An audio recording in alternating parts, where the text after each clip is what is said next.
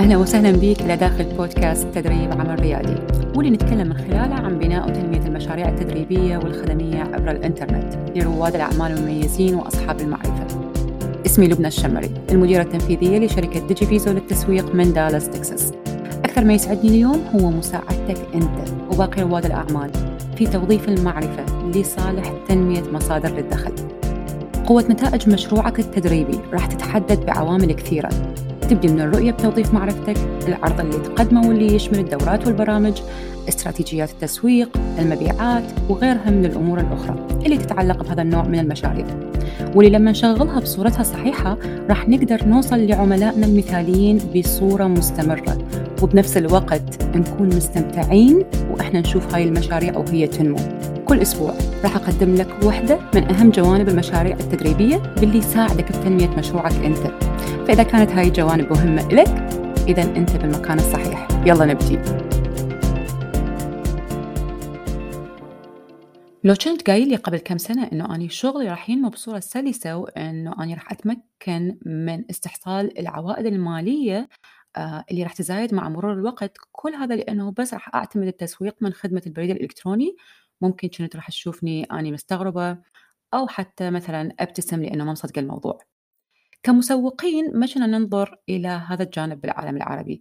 بل أنه هو ممكن نقول عنه كان بآخر القائمة. كنا نعتبره يمكن أداة قديمة وماكو أحد يستعملها. فلهالسبب نعم أنا أتفهم النظرة اللي يشوف عليها يعني اللي لما طلابي ينطوني إياها أول ما أحكي لهم هاي القصة وإنه إحنا شلون آه، نخلي أعمالنا ترتكز على تنمية القوائم البريدية.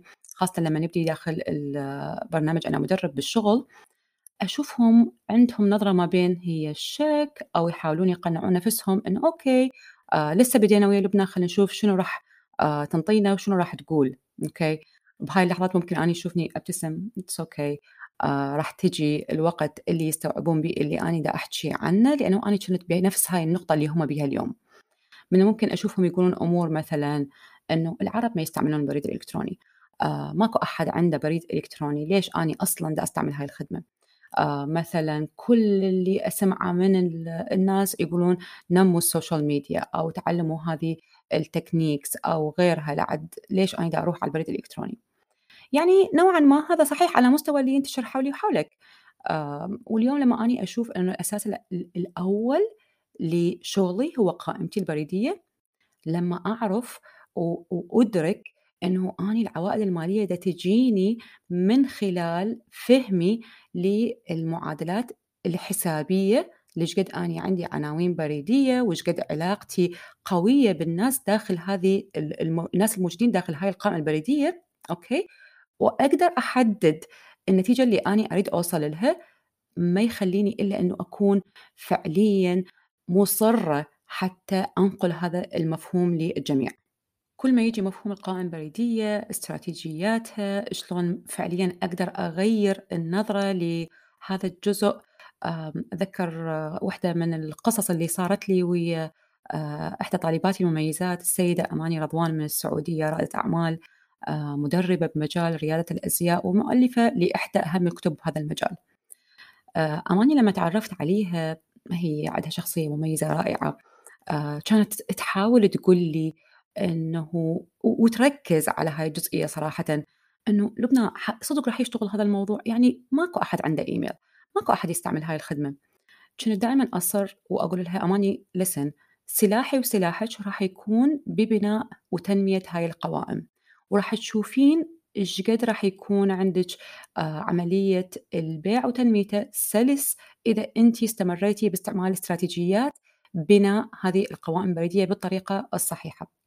هسه لما تجيني بين فترة والثانية كل تقول لي يعني آه لبنى thank you لأنه فعليا دا أشوف نتائج لأنه فعليا ال business مالتي دا ينمو لأنه فعليا هسه أنا دا أستوعب إيش قد مهمة هذه القوائم البريدية وحتى على مستوى جمهورها هي لأنه تحاول تنطيني نفس الانطباع بأنه هي كانت متصورة إنه الناس ما يستعملون هاي الخدمة لكن ما وقفت عند هاي النقطة. ما وقفت عندها بل بالعكس طبقت اللي آه، حكينا عنه. وبالنتيجة جمهورها دا يجي إلها ودا يقول لها إنه إحنا مستمتعين بكل قيمة تضيفيها من خلال هذه الخدمة.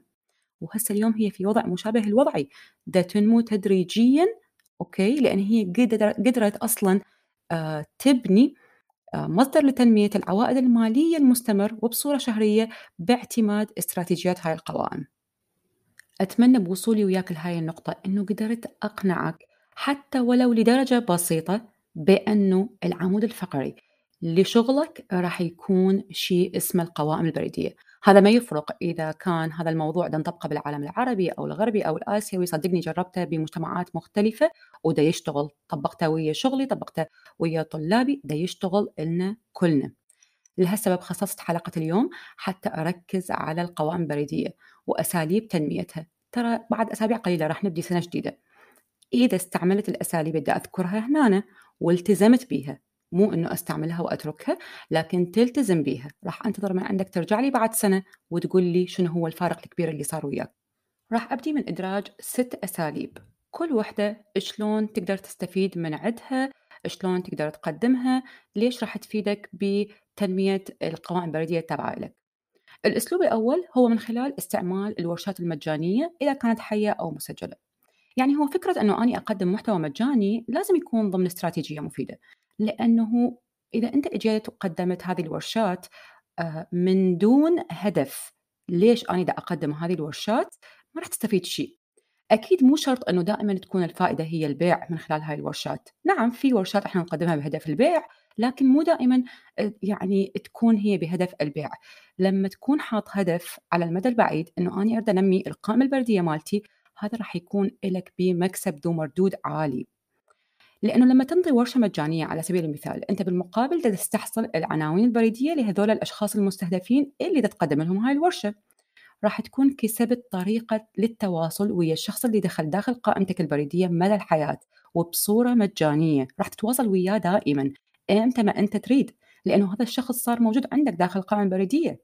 وممكن جدا أنه يكون عميل لك لأكثر من مرة. هذا واقع. طلابي يعني عدد كبير من عندهم مشتركين بأكثر من برنامج أو دورة من اللي أنا أقدمهم. وبالتالي شوف على العائد على مدى سنوات مو بس لمرة واحدة. لكن جدا مهم إنه تعرف دورك الأساسي هنا. لأنه أنت لما تقنع دول الأشخاص إنه يدخلون القوائم البريديه مالتك أنت أول شخص راح تتحمل مسؤولية إنه تخدمهم بصورة واقعية. أنت اختاريت إنه تفيد الناس من خلال دوراتك بس هذا مو يعني إنه أنت ما تقدم الفائدة من خلال الخطوط الأخرى داخل مساحة عملك اللي هي القوائم ال social media وما إلى ذلك. تقدر بين فترة والثانية إنه تستعمل هذا الأسلوب. يعني مثلا تستعمله أربع مرات بالسنة إنه أنت تختار مواضيع مهمة لجمهورك المستهدف تقدم لهم اياه من خلال ورشات okay؟ وبالتالي أنت تستحصل عناوينهم البريدية. لما استعملت هذه الاستراتيجية أو تريد تسميها أسلوب في البدايات لما بديت أطلق مشروعي الخدمي هذا يعني ما تتخيل شنو ال boost اللي انطاني اياه لل business مالتي باستحصال عوائد ماليه سريعه لأنه أنا قدرت أكسب ناس إلى داخل القوائم البريديه مالتي وأبني علاقة وياهم وبالتالي أحول نسبة من عندهم بصورة شهرية إلى آه، عملاء حقيقيين. هذا البوست اللي ساعدني إنه أني فعليا أحصل عوائد مالية وأرجع أستثمرها حتى أنمو بسرعة. تقدر تطلع على واحدة من أهم الورشات اللي تكلمت بها عن تنمية المشاريع واللي ساعدت هواية من رواد الأعمال إنه يفهمون الطريق من وين ووين رايحين. إحنا راح أشارك وياك رابط ورشة درس تسويق بالوصف لهاي الحلقة. أما عن الأسلوب الثاني هو إنه أنت تستعمل جمهور أشخاص آخرين بهدف تنمية قائمتك البريدية. يعني شلون؟ لما تجي لك دعوة إنه تروح تحكي على منصات ثانية أو شخص آه، آخر ينطي لك دعوة إنه تروح تفيد الجمهور مالته لازم تستغل هاي النقطة لصالحك بأنه أنت لما تروح تحكي عن موضوع معين يكون عندك بالخلف فكرة أنه أنت راح تنطي لك قيمة إضافية من خلال أي شيء جاهز عندك ثاني. آه لايك على سبيل المثال أنت راح تروح تحكي للناس وأنت مختص بتنمية حسابات الإنستغرام. راح تروح تحكي للناس آه، شنو هي الإستراتيجيات اللي لازم يستعملوها بسنة 2023 من الممكن خلال حديثك لهم تقول لهم إنه أنا عندي كتيب هذا الكتيب يتكلم عن كيفية استعمال ال reels بالتحديد okay، وبالتالي آآ تنطيهم الرابط للحصول على هذا الكتيب، شنو اللي راح يصير هنا؟ الناس اللي يسمعوا لك واللي حصلوا من عندك على قيمة خلال هذا الحديث كلهم راح يتوجهون حتى يحصلون على قيمة أخرى إضافية أنت راح تكسب هذول الناس وكأنه تيار دخل إلك بصورة مجانية الأسلوب الثالث أنه تشارك أمور حصرية يعني شنو؟ يعني لو افترضنا أنه أنت كونت مجموعة وراح يكون تركيزك أنه أنت تخلي مادة حصرية داخل هذه المجموعة وتجيب الناس من باقي منصات ال social media التابعة لك وتقول لهم أنه أنت تقدم آه يعني آه برنامج أسبوعي على سبيل المثال حلقات أسبوعية تكون داخل هذه المجموعة جدا راح أنت تثير الفضول عند دول الناس وكلهم راح تشوفهم يدخلون إلى داخل هذه المجموعة okay؟ بالمقابل حتى يدخلون هاي المجموعة من الممكن أنه أنت آه شنو اللي يسوي؟ تخلي صيغة جذب هنا أو مثلا حتى دخولهم إلى داخل المجموعة يكون من خلال آه تسجيل دخولهم إلى قائمة بريدية.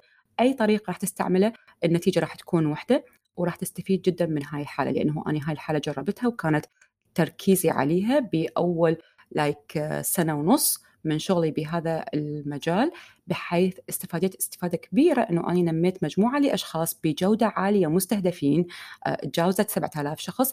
والاستفادة الثانية أنه أنا نميت قائمتي البريدية بنفس الوقت. دول الناس صاروا عندي موجودين داخل القائمة البريدية أتواصل وياهم بأي وقت أنا أريده. لكن هنا لازم تتحمل المسؤولية لو أنت قدمت شيء حصري داخل مجموعة معينة لازم تعرف أنه هاي المادة ما يصير تقدم بمكان آخر حتى تكون المصداقية على وزنها. الأسلوب الرابع أنه تستعمل البودكاست أو اليوتيوب إذا كان عندك قناة يوتيوب كمصدر لتنمية هاي القوائم البريدية. على سبيل المثال لو انتبهت أنا شنو اللي سويته قبل شوية؟ من كنت أحكي عن الورشات الحية أو المسجلة؟ قلت لك إنه أني راح أخلي رابط ورشة درس التسويق مع الوصف لهذه الحلقة. بالتالي أنا دا أكسب أشخاص لأنهم بعدهم دا يحتاجون من عندي إلى قيمة مضافة.